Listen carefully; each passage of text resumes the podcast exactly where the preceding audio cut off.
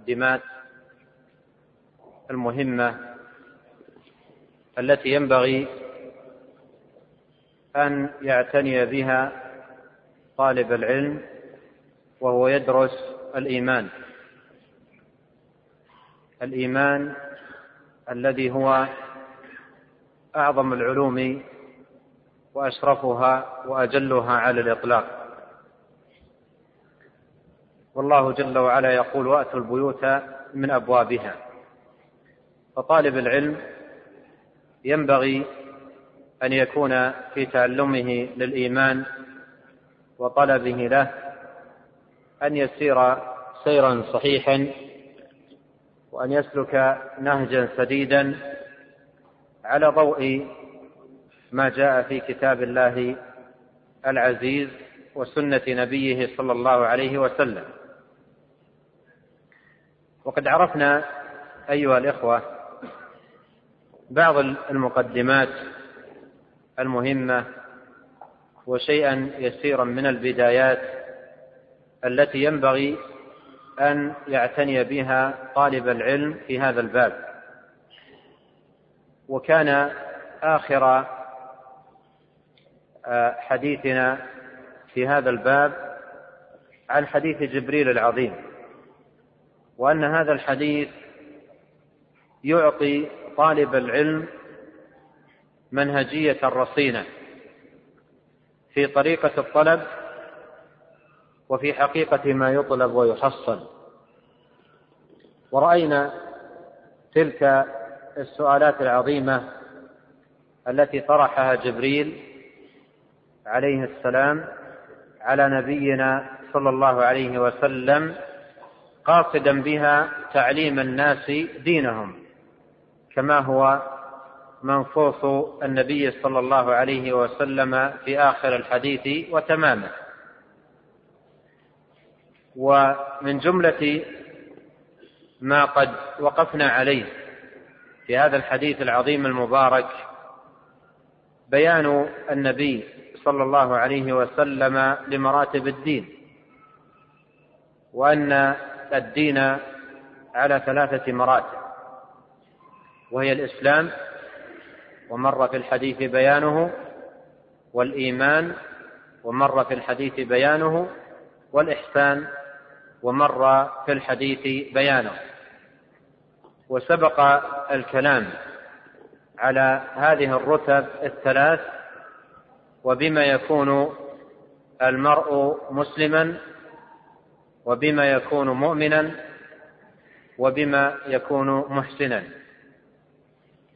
ولم يتم حديث حديثنا في هذا الموضوع. سنواصل الكلام على ما يتعلق بالإسلام والإيمان وبيان الفرق بينهما على ضوء ما جاء في حديث جبريل عليه السلام. والأحاديث الأخرى والآيات الواردة في هذا الموضوع وإن كان قد مر معنا طرفا أو جانبا من هذا الموضوع أعني الفرق بين الإسلام والإيمان. والإسلام والإيمان قد عرف كل منهما في حديث جبريل. فقد عرف النبي صلى الله عليه وسلم الإسلام في الحديث بالأعمال الظاهرة وعرف الإيمان بالاعتقادات الباطنة. لكننا هنا ينبغي أن نلاحظ والحديث ماض بنا في الكلام عن الفرق بين الإسلام والإيمان أن نلاحظ ورود الإسلام والإيمان في النصوص نصوص الكتاب والسنة. لأن الإسلام قد يأتي في بعض النصوص مفردا غير مقرون معه ذكر الإيمان.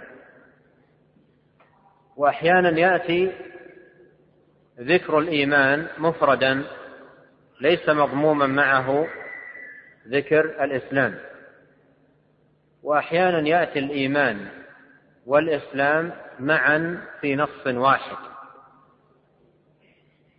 وهذا ينبغي أن يلاحظ في الكلام على الفرق بين الإسلام والإيمان حال الاقتران وحال الافتراق ذلك أن الإسلام إذا ذكر مفردا فإنه يشمل الدين كله وكذلك الإيمان. إذا ذكر مفردا فإنه يشمل الدين كله. الإسلام إذا أطلق شمل الدين كله فروعه أصوله وفروعه. والإيمان كذلك إذا أطلق أو أفرد يشمل الدين كله أصوله وفروعه. وإذا ذكر مضموما إلى الإيمان أي ذكر الإسلام والإيمان معا في نص واحد كحديث جبريل وكقوله تعالى قالت الأعراب آمنا قل لم تؤمنوا ولكن قولوا أسلمنا. وكقوله تعالى إن المسلمين والمسلمات والمؤمنين والمؤمنات. ونظائر, ونظائر ذلك مما جاء في كتاب الله وسنة نبيه صلى الله عليه وسلم. فهنا ينبغي أن يلاحظ عند التعريف ورود الإيمان والإسلام مجتمعين. وفي هذا يذكر أهل العلم قاعدة مفيدة. في هذين الاسمين الإسلام والإيمان وفي غيرهما أيضا من الأسامي التي سأشير إلى شيء منها. والقاعدة هي أن هذه الأسماء من شأنها أنها إذا اجتمعت افترقت وإذا افترقت اجتمعت. وهذه قاعدة مهمة في هذا الباب. إذا اجتمعت افترقت وإذا افترقت اجتمعت. ما معنى هذا؟ أي أن الإسلام والإيمان من شأنهما أنهما إذا اجتمعا في الذكر. اجتمعا أي في نص واحد في آية واحدة أو في حديث واحد أو في موضع واحد افترقا أي في المعنى. افترقا أي في المعنى. فيكون للإسلام معنى خاصا فيكون للإسلام معنى خاص ويكون للإيمان معنى خاص. وإذا افترقا أي في الذكر بأن يكون كل واحد منهما ذكر بمفرده اجتمع في المعنى. أيضا توضيح لهذا. الإسلام والإيمان قد يجتمعان وقد يفترقان. وعندما نقول قد يجتمعان وقد يفترقان أي في النصوص في ورودهما في النصوص. فقد يجتمعان أي يذكر الإسلام والإيمان معا مجتمعين في آية أو في حديث. فهنا يقال اجتمعا أي في الذكر ذكر معا. ففي حال اجتماعهما يكون للإسلام معنى ويكون للإيمان معنى. وأحسن ما يبين لك الفرق بينهما حال الاجتماع حديث جبريل. فلاحظ حديث جبريل اجتمع فيه الإسلام والإيمان. فبماذا فسر عليه الصلاة والسلام الإسلام؟ وبماذا فسر الإيمان؟ فسر الإسلام بالأعمال الظاهرة وفسر الإيمان بالأعمال بالاعتقادات الباطنة. لاحظ معي مرة ثانية الدين قسمان اعتقادات باطنة وأعمال ظاهرة. الدين قسمان اعتقادات باطنة في القلب مكانها القلب وأعمال ظاهرة تكون على الجوارح وباللسان. فعندما يذكر الإسلام والإيمان معا يختص الإسلام بالأعمال الظاهرة ويختص الإيمان بالاعتقادات الباطنة. على ضوء تبيين النبي صلى الله عليه وسلم لذلك في حديث جبريل حيث لما سأله جبريل عن الإسلام فسره بالشهادتين والصلاة والصيام والحج والزكاة وهذه كلها أعمال ظاهرة.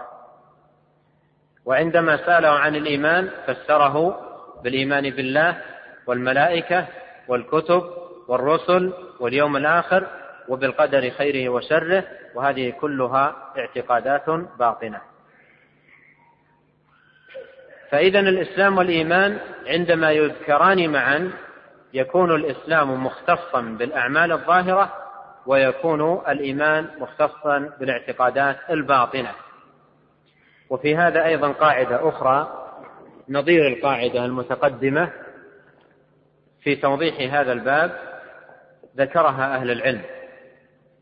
وهي قولهم إن من الأسماء إن من الأسماء ما يكون شاملا لمسميات متعددة عند إفراده وإطلاقه. ما يكون شاملا لمسميات متعددة عند إفراده وإطلاقه. فإذا قرن ذلك الاسم بغيره صار دالا على بعض تلك المسميات. والاسم المقرون به دال على باقيها. وأحسب أن هذه القاعدة واضحة لديكم تماما على ضوء ما ذكرته انفا. وتأملوا معي. إن من الأسماء ما يكون شاملا لأسماء لمسميات متعددة عند إفراده وإطلاقه يعني عندما يذكر مفردا وحده. مثل الإيمان. الإيمان إذا أفرد وأطلق ماذا يشمل؟ الاعتقادات الباطنة والأعمال الظاهرة. يشمل الاعتقادات الباطنة والأعمال الظاهرة. فإذا قرن ذلك الاسم بغيره أي قرن الاسم الإيمان باسم الإسلام صار ذلك الاسم دالا على بعض تلك المسميات. ما البعض الذي يدل عليه الإيمان حال اقترانه بالإسلام. الاعتقادات الباطنة والإسم المقرون به دال على باقيها الإسم المقرون به هو الإسلام دال على باقيها الذي بقي هو الأعمال الظاهرة. مثل هذا آه، الفقير والمسكين البر والتقوى وأسماء كثيرة. شرعية تنطبق عليها هذه القاعدة آه، أنها عندما تجتمع في في, في الذكر تفترق في المعنى وعندما تفترق في الذكر وعندما تفترق في الذكر تجتمع في المعنى. آه الآن تأمل معي بعض الأدلة. الآن فهمنا ما سبق ونريد ننظر في بعض الأدلة لنعرف على ضوئها كيف نعرف الإسلام والإيمان. عندما تقرأ عندما تقرأ قول الله تعالى إن الدين عند الله الإسلام. وقول الله ومن يبتغي غير الإسلام دينا فلن يقبل منه. ما الإسلام هنا؟ الأعمال الظاهرة فقط؟ ماذا تقولون؟ الإسلام هو الدين كله بأعماله الظاهرة وعقائده الباطنة. إن الدين عند الله الإسلام ومن يبتغي غير الإسلام دينا فلن يقبل منه. عندما تقرأ قول الله تعالى قد أفلح المؤمنون وقول الله تعالى إنما المؤمنون الذين إذا ذكر الله وجلت قلوبهم إنما المؤمنون الذين آمنوا بالله ورسوله ونظائر هذه الآيات. ما المراد بالإيمان هنا؟ الدين كله باعتقاداته الباطنة وأعماله الظاهرة.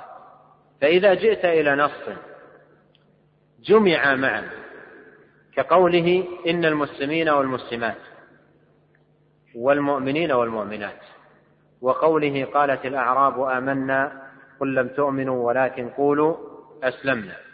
وحديث سعد الذي مر معنا في الليلة البارحة إني لأراه مسلما قال أو مؤمنا مما يدل على أن ثمة فرق بينهما. فيكون الإسلام الأعمال الظاهرة والإيمان الاعتقادات الباطنة. ثم لما نأتي عقب هذا لنعرف من المسلم ومن المؤمن فالأمر واضح على ضوء ما تقدم. وعلى ضوء أيضا ما بيناه في آه، لقائنا الماضي. عرفنا أن الإسلام والإيمان وعندما يسأل من المسلم ومن المؤمن يعني من في درجة الإسلام ومن في درجة الإيمان عرفنا على ضوء حديث جبريل أن الإسلام هو الأعمال الظاهرة. ولكننا أيضا في الوقت نفسه عرفنا أن الأعمال الظاهرة وحدها بدون شيء من الاعتقاد الباطن لا تنفع.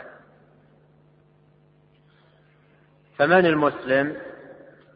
عرفناه بالأمس المسلم هو من جاء بأعمال الإسلام الظاهرة وعنده من الإيمان ما يصحح إسلامه.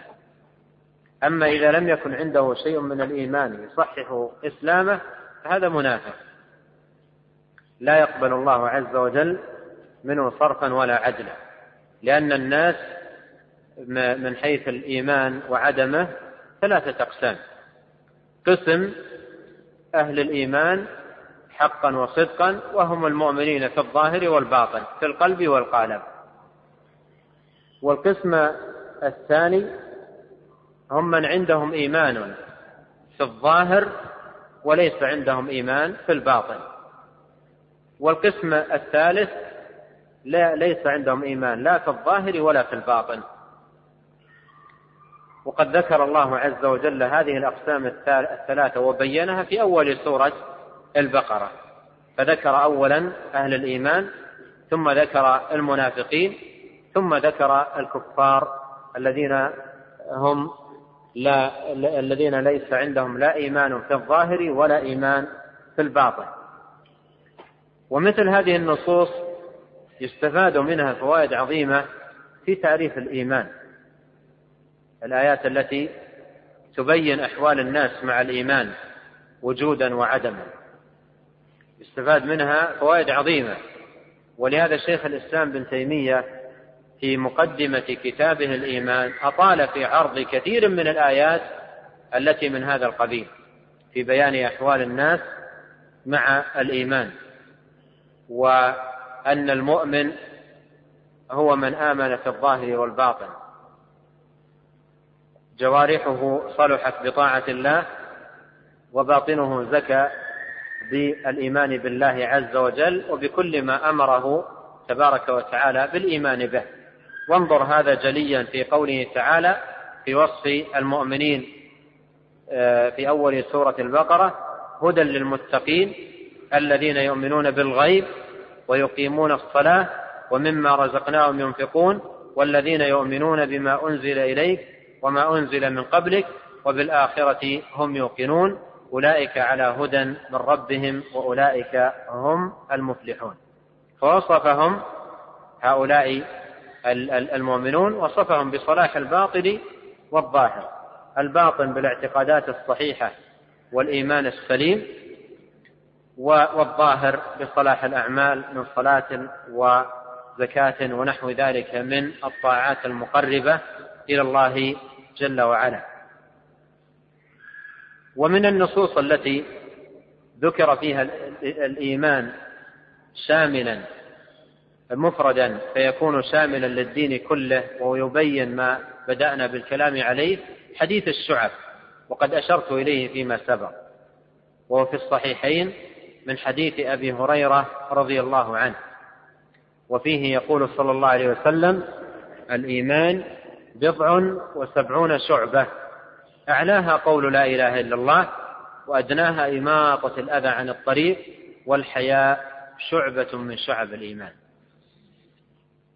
وهذا الحديث جليل القدر عظيم الفائدة كبير النفع حظي بعناية واسعة واهتمام بالغ من أهل العلم. بل إن من أهل العلم من أفرد هذا الحديث في مجلدات. كما صنع البيهقي كتب في هذا الحديث سبع مجلدات. وغيره من أهل العلم. وكانت اهتمامات العلماء بهذا الحديث واسعة جدا. من جهات عديدة. من من هذه الجهات حتى ندرك دأب أهل العلم وصبرهم في دراسة السنة ومعرفة الإيمان من خلال أحاديث الرسول عليه الصلاة والسلام. عندما قال صلى الله عليه وسلم الإيمان بضع وسبعون شعبة. الإيمان بضع وسبعون شعبة. أوضح إيضاحا جليا وبين بيانا تاما أن الإيمان ذي شعب له أجزاء له أفراد له أنواع. ليس الإيمان منحصر في جانب ليس الإيمان مختصا فيما يقوم بالقلب ولا الإيمان مختصا بما يكون على اللسان ولا أيضا مختصا بما يكون على الجوارح بل الإيمان يتناول ما يكون بالقلب وما يكون باللسان. وما يكون بالجوارح. وذكر لنا عليه الصلاة والسلام في هذا الحديث المختصر آه، في ألفاظه الجامع في معانيه ودلالاته ذكر لنا صلى الله عليه وسلم ما يتعلق بما يكون بالقلب أو شيء ما يتعلق بما يكون بالقلب وشيء ما يتعلق بما يكون باللسان وشيء ما يتعلق بما يكون بالجوارح حتى نعرف شمول الإيمان وتعدد شعبه. وتنوع جوانبه وأجزائه. قال أعلاها قول لا إله إلا الله. وأدناها إماطة الأذى عن الطريق. والحياء شعبة من شعب الإيمان. الحياء مكانها القلب. إماطة الأذى عن الطريق هذه فعل يقام بالجوارح. قول لا إله إلا الله هذا نطق باللسان وعقيدة تكون في القلب. إذا الإيمان يشمل يشمل جوانب يشمل أشياء تكون منا بألسنتنا وأشياء تكون منا بجوارحنا ويشمل عقائد تكون في قلوبنا. يتناول ذلك كله. وهذا واضح في قوله عليه الصلاة والسلام الإيمان بضع وسبعون شعبة. ثم ثم يقول أعلاها قول لا إله إلا الله وأدناها إماطة الأذى عن الطريق لنعرف أن هذه الشعب والأجزاء للإيمان ليست على مستوى واحد ولا على مرتبة واحدة. بل لها ما بل لها أعلى ولها أدنى. وأعلى شيء في الإيمان لا إله إلا الله. وهذا أيضا يدلنا على فضل كلمة التوحيد لا إله إلا الله وأنها أعلى شيء في الإيمان. أعلاها قول لا إله إلا الله. فهي الرتبة العلية والدرجة المنيفة. والمنزلة الرفيعة. أعلى شيء في الدين قول لا إله إلا الله. ثم ثم أمور الدين تأتي دون ذلك. وأدناها إماطة الأذى عن الطريق. بين هاتين الشعب الشعبتين ماذا يوجد؟ شعبة لا إله إلا الله التي أعلى الشعب وشعبة إماطة الطريق التي هي أدنى الشعب. بين هاتين الشعبتين ماذا يوجد؟ شعب كثيرة. يوجد شعب كثيرة. منها ما هو أقرب للأعلى ومنها ما هو أقرب للأدنى وتمضي هذه الشعب متفاوتة ليست على مستوى واحد. وهذا الحديث من الدلائل البينة على أن الإيمان يزيد وينقص وأن أهله يتفاضلون فيه. أليس يعلم كل الناس أو كل من عرف هذا الدين تفاوت أهله في قيامهم بهذه الشعب. وهل أهل الإسلام في قيامهم بهذه الشعب على مستوى واحد؟ بل أنت أيها المسلم هل أنت مستواك مع هذه الشعب في أيامك وفي أوقاتك وأحايينك على مستوى واحد أم أنك تراك تارة تزيد فيها وتارة تنقص؟ هذا أبين ما يكون في حسك أنت وواقعك أن الإيمان يزيد وينقص وأنك أنت تتفاضل فيه تارة يزيد عندك وتارة ينقص. ولهذا قال عمير بن حبيب الخطمي رضي الله عنه الإيمان يزيد وينقص. أحد الصحابة عمير قال الإيمان يزيد وينقص. قال وما زيادته ونقصانه؟ قال إذا ذكرنا الله سبحناه وحمدناه زاد. وإذا غفلنا نقص. فالإيمان يزيد وينقص وهذا أمر يحس به كل أحد من نفسه ولا ينفي عن الإيمان الزيادة والنقصان إلا مكابر معاند وإلا زيادة الإيمان ونقصانه واضحة في الأدلة في الكتاب العزيز وسنة النبي صلى الله عليه وسلم والعقل يشهد لها والحس يشهد لها. والله جل وعلا يقول وإذا ما أنزلت سورة فمنهم من يقول أيكم زادته هذه إيمانا فأما الذين آمنوا فزادتهم إيمانا وهم يستبشرون ويقول تعالى آه إنما المؤمنون الذين إذا ذكر الله وجلت قلوبهم وإذا تليت عليهم آياته زادتهم إيمانا. والآيات في هذا المعنى كثيرة. أيضا قوله تعالى ويزيدهم خشوعا وقوله تعالى والذين اهتدوا زادهم هدى وآتاهم تقواهم. وقوله تعالى ويزيد الله الذين اهتدوا هدى. والآيات في هذا المعنى كثيرة جدا. فالإيمان يزيد وينقص. ومن دلائل نقصانه الصريحة قول النبي صلى الله عليه وسلم المؤمن القوي خير وأحب إلى الله من المؤمن الضعيف. وفي كل خير. وقوله صلى الله عليه وسلم عندما ذكر آه، أهل بعض المنكرات قال فمن جاهدهم بيده فهو مؤمن ومن جاهدهم بلسانه فهو مؤمن ومن جاهدهم بقلبه فهو مؤمن. وذلك أضعف الإيمان. أو قال وليس وراء ذلك من الإيمان حبة خردة في الحديث الآخر قال من رأى منكم منكرا فليغيره بيده فإن لم يستطع فبلسانه فإن لم يستطع فبقلبه. وذلك أضعف الإيمان. ففيه الإيمان أضعف وفيه إيش؟ أعلى.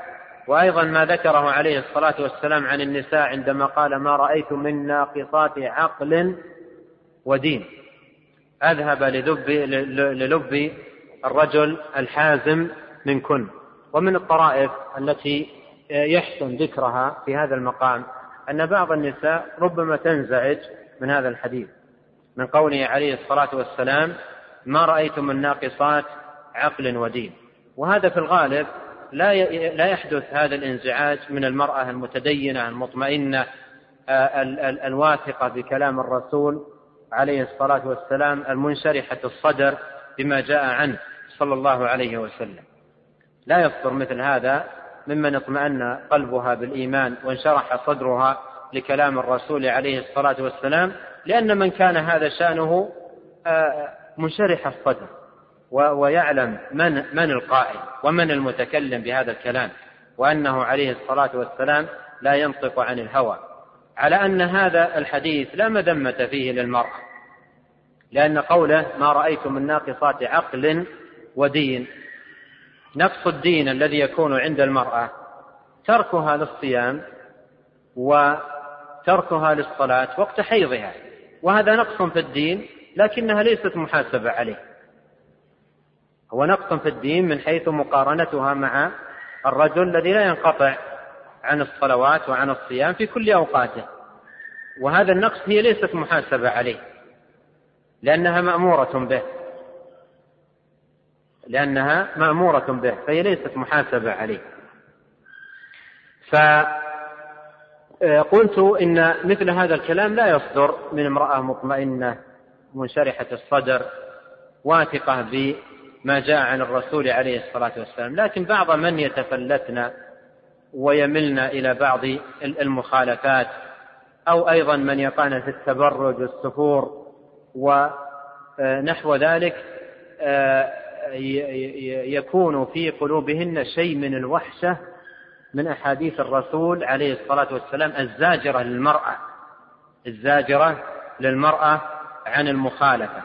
مثل نهي المرأة عن أن تخرج متعطرة ومثل أمر أمره لها بأن تخرج متحجبة ومتسترة ومثل أيضا نهيها عن الاختلاط.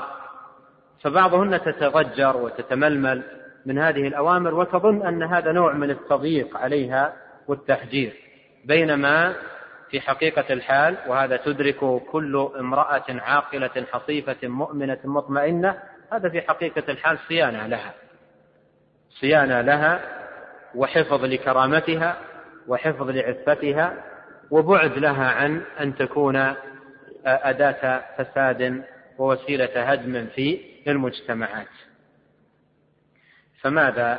مرة بعض النساء المتفلتات قلنا لأحد أهل العلم أن معترضات قلنا له إن أن النبي صلى الله عليه وسلم يقول ما رأيت من ناقصات عقل ودين.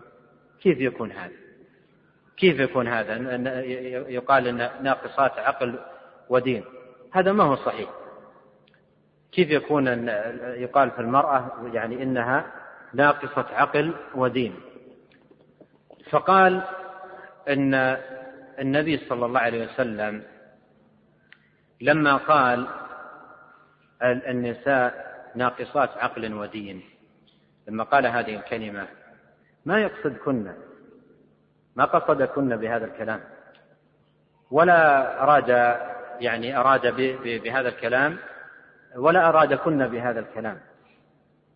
لما قال للنساء ناقصات عقل ودين أراد نساء الصحابة أما أنتم لا عقل ولا دين. أنتم لا عقل ولا دين. لما قال ناقصات عقل ودين قصد نساء الصحابة يعني المرأة الفاضلة المتقية لله العاملة بطاعة الله هذه المقصودة. والنقص الذي عنده هي ليست ملامة عليه ولا محاسبة عليه. أما المرأة الجريئة التي تتجرأ على دين الله وعلى كلام الله وعلى كلام رسول الله صلى الله عليه وسلم وبكل وقاحة تعترض وتنتقد. وتنتقد. أين الدين الزاجر؟ وأين الفهم؟ أين الوعي؟ أين معرفتها بكلام الله وكلام رسوله؟ ومن الذي يجرؤ على أن ينتقد أو يعترض على كلام الله وكلام رسوله صلى الله عليه وسلم؟ الله تعالى يقول يا أيها الذين آمنوا لا تقدموا بين يدي الله ورسوله. على كل حال آه، من الأدلة التي مرت معنا على نقص الإيمان قوله ما رأيت من ناقصات عقل ودين والأدلة على نقص الإيمان كثيرة وكلها قد أوردتها تأكيدا للمعنى الذي استفدناه من حديث الشعب وأنه من الدلائل التي ذكرها أهل العلم على أن الإيمان يزيد وينقص لأن آه، الإيمان له شعب والناس في شعبه يتفاوتون ليسوا فيه على درجة واحدة. ذكرت لكم عناية أهل العلم بهذا الحديث العظيم. تسمعوا شيئا من عنايته حتى تعرفوا اهتمام العلم اهتمام أهل العلم وطريقتهم في دراسة الإيمان من خلال أحاديث الرسول عليه الصلاة والسلام. الإيمان بضع وسبعون شعبة. أهل العلم. في معنى قوله بضع وسبعون شعبة منهم من قال المراد بضع وسبعون شعبة أي المراد هو هذا العدد بعينه. بضع وسبعون شعبة أي أن الإيمان عدد شعبه بضع وسبعون. وفي بعض الروايات بضع وستون. ومنهم من قال إن العدد هنا لا مفهوم له. ما معنى العدد لا مفهوم له؟ أي أن النبي صلى الله عليه وسلم قال بضع وسبعون أراد الكثرة. يعني أن الإيمان له شعب كثيرة. وهذا يأتي في كلام العرب كثيرا خاصة السبعين والسبعمائة وما تضعف منهما يستعمل للتكثير. ومنه قوله تعالى إن تستغفر لهم سبعين مرة. ليس المراد هنا العدد ذاته وإنما المراد إن تستغفر لهم مرات كثيرة. فمن أهل العلم من يرى أن العدد له مفهوم وأن شعب الإيمان بضع وسبعون شعبة على التحديد ومنهم من يرى أن العدد لا لا مفهوم له. من من من أهل العلم رأى أن العدد لا مفهوم لا مفهوم له بعضهم اجتهد في جمع شعب الإيمان. في جمع شعب الإيمان. وهؤلاء كثيرون. منهم ابن حبان البستي رحمه الله صاحب الصحيح. وله طريقة سلكها في جمع شعب الإيمان أخذت منه سنوات. وبعضنا يستكثر على نفسه جلسة أو جلستين في دراسة الإيمان. فأخذت منه سنوات. ماذا فعل؟ يقول وهو ذكر ذلك في كتابه الصحيح. يقول لما قرأت هذا الحديث أخذت أتتبع السنن الواردة عن النبي صلى الله عليه وسلم وأجمع فيها أمور الإيمان وخصاله. فوجدت أنها كثيرة تزيد على السبعين. يعني الأشياء التي أمر الله بها والأمور التي نهى عنها والأمور التي أثنى على أهله وجدتها كثيرة. يقول فرجعت وبدأت أقرأ المصحف أقرأ القرآن آية آية. وأستخرج منه كل ما عده الله إيمان. مثلا قول الله تعالى وما كان الله ليضيع إيمانكم أي صلاتكم. الصلاة إيمان. قوله تعالى قد أفلح المؤمنون الذين هم في صلاتهم خاشعون والذين هم عن اللغو معرضون. إلى آخر الآيات كل هذه الخصال إيمان. لأن الله عدها في صفات أهل الإيمان. مثل قوله إنما المؤمنون الذين إذا ذكر الله وجلت قلوبهم وإذا تليت عليهم آياته زادتهم إيمانا وعلى ربهم يتوكلون الذين يقيمون الصلاة ومما رزقناهم ينفقون أولئك هم المؤمنون حقا. قال فهذه كلها إيمان لأنها صفات إيمان. فأخذ هذا العالم يتتبع كل ما نص الله على أنه إيمان فجمعه. يقول فاجتمع عندي أقل من السبعين. اجتمع عندي أقل من السبعين. فأخذت أتتبع أحاديث النبي عليه الصلاة والسلام حديثا حديثا في السنن والمسانيد والجوامع وأستخرج كل حديث نص النبي صلى الله عليه وسلم فيه على أنه إيمان. مثل لا إيمان لمن لا أمانة له ونحو ذلك من الأحاديث وهي كثيرة جدا. يقول فاجتمع عندي أقل من السبعين. فجمعت. ما اجتمع عندي من القرآن وما اجتمع عندي من السنة. وحذفت المكرر فصار العدد بضع وسبعون. فصار العدد بضع وسبعون. هذه طريقة سلكها هذا العالم. يقول وأودعت ذلك كله في كتاب وصف الإيمان وشعبه. في كتاب وصف الإيمان وشعبه. وهذا الكتاب مفقود.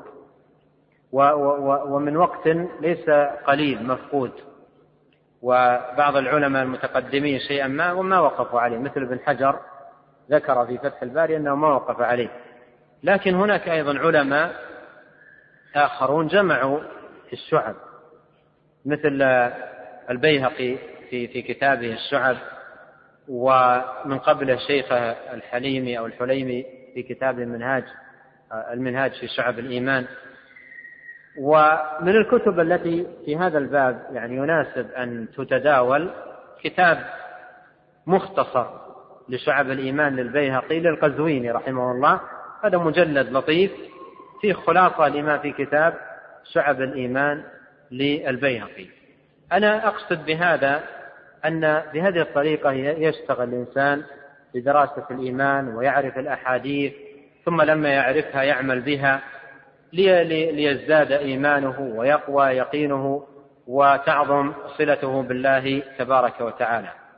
ثم ثم إنني أختم بالإشارة إلى أن هذه هي ما هي إلا مقدمات ومداخل لدراسة الإيمان وبيان لشيء من المنهجية التي ينبغي أن يكون عليها آه، طالب العلم في دراسة الإيمان مع اعترافي التام بعجزي وقصوري وتقصيري أسأل الله جل وعلا أن يعفو عني وعنكم وأن يغفر لي ولكم وأن يستعملني وإياكم في طاعته وأن يهدينا جميعا سواء السبيل وأن يزيننا وإياكم بزينة الإيمان وأن يجعلنا هداة مهتدين وأن يجعل ما نقوله حجة لنا لا حجة علينا. إنه تبارك وتعالى سميع الدعاء.